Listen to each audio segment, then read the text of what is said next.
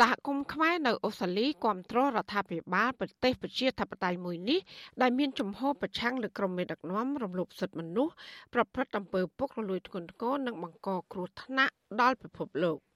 ចាជានេះទៅទៀតពួកគេរំពឹងថានៅពេលដែលច្បាប់នេះចូលជាធរមាន ច្បាប់ដាក់ទណ្ឌកម្មថ្មីនេះរបស់អូស្ត្រាលីនឹងអាចទប់ស្កាត់ទង្វើរំលោភសិទ្ធិមនុស្សរបស់ក្រុមមេដឹកនាំផ្ដាច់ការដូចជាលោកហ៊ុនសែនបានខ្លះហើយថាច្បាប់នេះក៏នឹងជួយការពារជនស្លូតត្រង់បានដែរ ជាប្រធានគណៈបក្សសង្គ្រោះជាតិប្រចាំរដ្ឋវិកតូរីយ៉ាប្រទេសអូស្ត្រាលី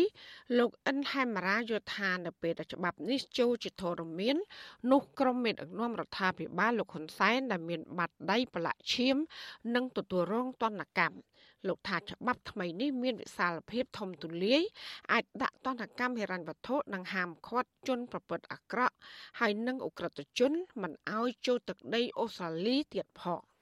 បាទមែនទែនទៅច្បាប់នេះគឺជាច្បាប់មួយដែលរួមចំណែកជាមួយសមាគមអន្តរជាតិអ្នកដែលស្រឡាញ់សិទ្ធិមនុស្សអ្នកនេះហ្នឹងគឺថាមានន័យថា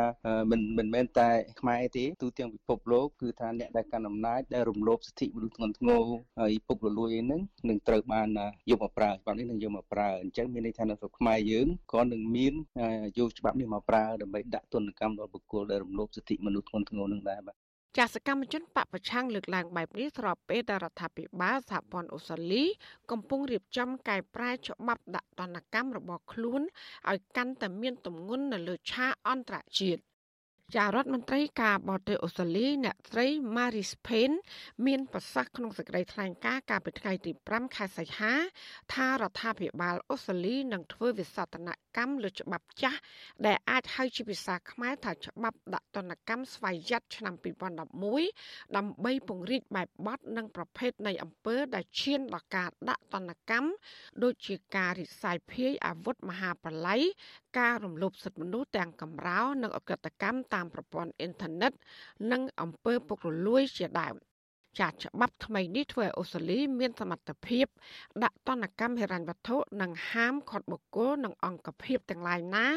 ដែលជាប់ពាក់ព័ន្ធនឹងអំពើឧក្រិដ្ឋនិងទុច្ចរិតទាំងនោះមិនឲ្យជន់ទឹកដីអូស្ត្រាលីទោះបីជាជននោះប្រព្រឹត្តបទល្មើសនៅទីណាក៏ដោយ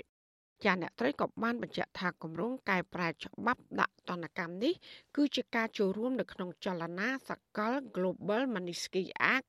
ដើម្បីប្រឆាំងនឹងក្រុមមេដឹកនាំនិងអក្រិតជន ដែលរំលោភសិទ្ធិមនុស្សធ្ងន់ធ្ងរតាមរយៈការបង្កើតច្បាប់ដាក់ទណ្ឌកម្មពួកគេចាអ្នកស្រី Marie Payne ឲ្យដឹងទៀតថារដ្ឋាភិបាលអូស្ត្រាលីក្រុងលើកយកវិសោធនកម្មច្បាប់នេះ ទៅពិនិត្យនិងសម្រេចនៅចុងឆ្នាំ2021ខាងមុខ ចាអតីតតំណាងរាស្ត្រអូស្ត្រាលីដើមកំណត់ខ្មែរលោកហុងលឹមប្រាប់ថាច្បាប់នេះមានគោលដៅធំ គឺសម្ដៅដាក់ទណ្ឌកម្មលើមេដឹកនាំចិនចាទោះជាយ៉ាងណាលោកថាមេដឹកនាំកម្ពុជាដែលរំលោភសិទ្ធិមនុស្សប្រព្រឹត្តអំពើពុករលួយធ្ងន់ធ្ងរក៏មិនរួចផុតពីសំណាញ់ច្បាប់នេះដែរ ចាលោកក៏យល់ឃើញថាច្បាប់នេះនឹងដាក់ទណ្ឌកម្មលើមន្ត្រីជាន់ខ្ពស់កម្ពុជាមួយចំនួន ដែលកំពុងធ្វើឲ្យខ្មែរនៅអូស្ត្រាលីបែកបាក់គ្នា និងអ្នកដែលកំពុងយកលុយលក់ជាតិឬក៏លុយកខ្វក់យកមកលាក់ទុកនៅប្រទេសអូស្ត្រាលីវា ចេញមកចេញមកយកចឹងមកបានថាចំអានេះវាមានលទ្ធភាពអាចធ្វើចឹងបានវាយូរណាវាមិនធ្វើទៅយកមកនិយាយបានតែបើដូច្នេះហើយបានខ្ញុំចង់ស៊ើបអង្កេតឲ្យច្បាស់ថាតើវាធ្វើនឹងគោលបំណងណាហើយដូច្នេះហើយបានខ្ញុំដឹងនៅច្បាស់លាស់ស្រួលណាហើយខ្ញុំមិនចង់ឲ្យនិយាយទៅព្រោះយើងនិយាយដល់យើង ចាតកតងករណីនេះអ្នកនាំពាក្យគណៈបកប្រជាជនកម្ពុជាលោកសុកអេសាន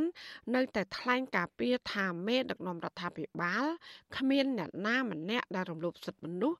និងប្រព្រឹត្តអំពើពុករលួយនោះឡើយចាទោះជាយ៉ាងណាលោកថាបើមន្ត្រីកម្ពុជារូបណាឆោតល្ងងយកលុយទៅទុកនៅអូស្ត្រាលី គឺឲ្យអូស្ត្រាលីរឹបអូសយកលុយនោះចុះ បាទគាត់នឹងចាត់ចោតប្រកាន់ឲ្យការជាក់ស្ដែងវាអត់មានកើតឡើងនៅកម្ពុជាទេបាទវាមិនលើចំណុះខ្ញុំថាទេវាចំណុះទៅលើអ្នកគេចេតនាដែលគេចង់ធ្វើបើចង់ធ្វើឲ្យទោះបីអត់មានគេធ្វើថាមានដែរជារឿងរបស់គេបាទសម្រាប់ណាភ្លើយកលុយទៅដាក់នៅអូស្ត្រាលីគេរឹបអូសទៅអានឹងល្អមានអីឲ្យគេរឹបអូសទៅ ចាក់កន្លងទៅសារព័ត៌មានអន្តរជាតិធំធំបានចុះផ្សាយថាមន្ត្រីជាន់ខ្ពស់របបលោកហ៊ុនសែនបានប្រព្រឹត្តអំពើពុករលួយ យកលុយរាប់លានដុល្លារទៅទិញដីទិញផ្ទះនិងបើកក្រុមហ៊ុននៅប្រទេសអូស្ត្រាលីចាក្នុងនោះរួមមានកូនប្រសារលោកហ៊ុនសែនគឺលោកឌីវិជា ដែលជាអគ្គស្នងការរងនគរបាលជាតិមានផ្ទះតម្លៃប្រមាណជាង1លាន5សែនដុល្លារនិងមានក្រុមហ៊ុនតម្លៃរាប់លានដុល្លារថែមទៀត ចារីឲ្យក្មួយលោកហ៊ុនសែនគឺលោកហ៊ុនតូក៏បានទិញផ្ទះតម្លៃប្រមាណជាង1លានដុល្លារនៅប្រទេសអូស្ត្រាលីផងដែរចាប្រពន្ធរបស់លោកហ៊ុនតូមានទ្រព្យសម្បត្តិមួយកន្លែងទៀតតម្លៃជាង6សែនដុល្លារដែលទើបផ្ទេរកម្មសិទ្ធិឲ្យទៅបងប្អូនបង្កើតរបស់គាត់គ្រប់គ្រងទៅវិញចំណែកឯអគ្គនាយកនៃអគ្គនាយកដ្ឋានពន្ធដារគឺលោកគង់វិបុល លោកក៏មានភាគហ៊ុនក្នុងដីមួយកន្លែងហើយលោកក៏បានលក់កាលពីខែមីនាឆ្នាំ2007ក្នុងទឹកប្រាក់ជាង21លានដុល្លារចាសសារព័ត៌មានអូស្ត្រាលី ABC ក៏បានរកឃើញ ថាលោកគង់វិបុលមានទ្រព្យសម្បត្តិជាច្រើនកន្លែងទៀតនៅអូស្ត្រាលី រួមទាំងផ្ទះតម្លៃ6សែនដុល្លារផង ក្រៅពីនេះកូនប្រុសស្រីរបស់មន្ត្រីជាន់ខ្ពស់នៃរបបលោកហ៊ុនសែនមួយចំនួនទៀតក៏មានលុយនិងទ្រព្យសម្បត្តិវ៉ាលានដុល្លារនៅប្រទេសអូស្ត្រាលីផងដែរចាននាងខ្ញុំម៉ៅសុធានីវិទ្យុអសីស្រីប្រធានាធិបតី Washington